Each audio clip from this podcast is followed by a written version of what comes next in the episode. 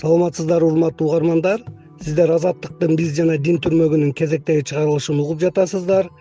Бүгүнкү коногубуз ыйман диний маданиятты өнүктүрүү фондунун жетекчиси самаган мырза ибраимов берүүнү мен канатбек мырзахалилов алып барам. Биз жана дин.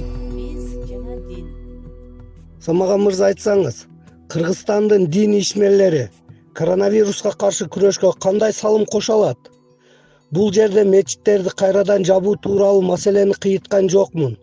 Диний лидерлердин молдо имамдардын социалдык жоопкерчилиги тууралуу оюңузду билейин дегенмин. Өзүңүз белгилеп кеткендей молдо имамдарыбыздын пандемия мезгилиндеги эки э, негизги иш багыты жөнүндө сөз кылсак болот.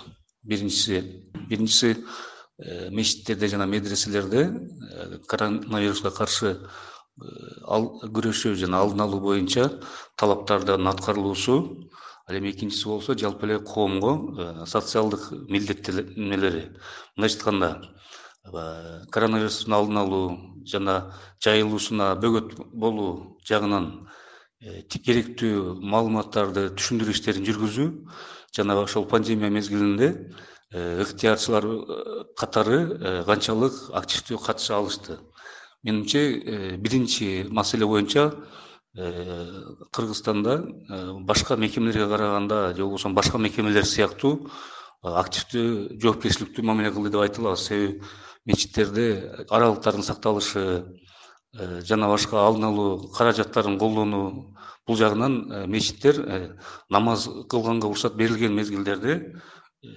жоопкерчиликтүү мамиле кылышты деп айта алабыз. Ал эми социалдык жоопкерчилиги жагынан карай турган болсок түшүндүрүү иштери э, менин оюмча э, пандемия башталгандан кийин түшүндүрүү иштерине басым жасалды. Бирок канчалык деңгээлде медициналык маалыматы бар болчу канчалык деңгээлде сапаттуу маалымат бере алды. Ал өзүнчө маселе. Бирок бул жерде эки маселе турат. Биринчиси ошо алдын алуу үчүн түшүндүрүү иштерин жүргүзүү. Экинчиден коомчулукта алгачкы этапта бул оорунун Э, бул э, вирустун бар экендигине болгон күмөн жаралган. Ошондо э, кээ бир учурларда ошол диний чөйрөдөн да ишенбөөчүлүк пайда болгон ошол мезгилдерде түшүндүрүү иштерин кылуу албетте бул диний кызматкерлердин милдети болуш керек деп ойлойм. Имамдар мечитке келген кишилерге илдетке жоопкерчиликтүү мамиле кылуу тууралуу айтып келе жатат деген маалыматтарды угуп жүрөбүз бирок бул үчүн имамдарда медициналык маалыматтар канчалык жетиштүү. Алар укканын эле айтабы же молдолорго адистер тараптан атайын маалыматтар берилип жатабы. Ал эми медициналык э, маалыматы канчалык деңгээлде экендиги жөнүндө э, имамдарга э, пандемия мезгилинде кандай жоопкерчилик алыш керектиги боюнча кээ бир түшүндүрүү иштери болду. Мен өзүм катыша алган жокмун ошондуктан ал жерде кандай сөздөр болгондугун айта албайм бирок э, албетте бул жерде имамдарга медициналык бир маалымат берип э, тереңдетилген. Андан кийин түшүндүрүү иштерин жүргүзүү бир аз олуттуу маселе да. Бул жерде мен ойлойм медицина кызматкерлери менен биргеликте иштеши керек. Бирок жалпы коомчулуктун билиши керек болгон маалыматтарды буларды ошо семинарлар аркылуу түшүндүрүү иштери аркылуу Э, молдолор менен э, үйрөтүп андан кийин молдолор менен чогуу иштесе болот деп ойлойм. Биз жана дин. Азыр дааватчылык кандай болуп жатат? Коронавирус кризиси маалында дааватчылыкка байланышкан чектөөлөр барбы?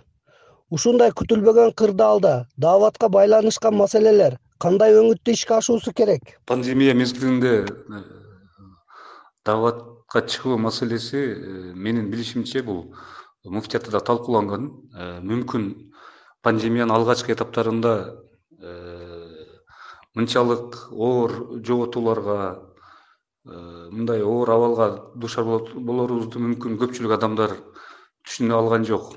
Ошол себептен дааватка чыгуу маселеси мүмкүн талкууланды ошол мезгилде деп ойлойм. Бирок андан кийин азыркы учурда дааватка чыгуу жөнүндө мен эч кандай учур байкаган жокмун. Э, менин угушумча дааватка чыгууга тосууга тыюу салынган. Бул туура чечим деп ойлойм. Себеби дегенде өзүңүз деле билесиз. Бул дагы э, пандемиянын күчөшүнө алып келүүчү себептерден болушу мүмкүн. Бирок акыркы учурларда э, муфтияттын түшүндүрүштөрүнүн негизинде деп ойлойм э, дават маселеси азыр актуалдуу маселе эмес болгон болбой турат деп ойлойм. Деги жалпысынан жоопкерчилик жөнүндө кеп салалы. Илдетке байланыштуубу же башка жагдайлардабы диний ишмерлердин жалпы жоопкерчилик маселеси кандай болуш керек? Илдетке байланыштуу же болбосо башка жагдайларда э, диний ишмерлердин э, жалпы жоопкерчилиги жөнүндө сөз болушу үчүн албетте э, диний кызматкерлердин билим деңгээлинин жоопкерчилик сезиминин жогору болушу менен айкалыш керек. Акыркы учурларда акыркы жылдары мен ойлойм диний кызматкерлер кыргызстандын коомдук социалдык маселелеринде активдүү позитивдүү жагынан активдүү катыша башташты бирок бул жетишерлик эмес. Себеби дегенде э, диний кызматкерлердин эгерде белгилүү бир маселеде терең э, маалыматы болуп коомчулук менен иштеше турган болсо таасир этүү күчү жогору. Ошондуктан биз э, мисалы үчүн турциянын мисалын алсак болот. Себеби турцияда дин кызматкерлери мамлекеттин коомчулук менен иштешүүдөгү эң күчтүү рычагтарынан бири болуп эсептелет. Ошондуктан бул жагынан албетте коомдук уюмдар болсун э, мамлекеттик органдар болсун жана муфтият болсун бул багытта атайын түшүндүрүү иштерин жүргүзсө жүргүзүш керек деп ойлойм. Биз жана дин. Урматтуу угармандар сиздер азаттыктын биз жана дин түрмөгүнүн кезектеги чыгарылышын уктуңуздар.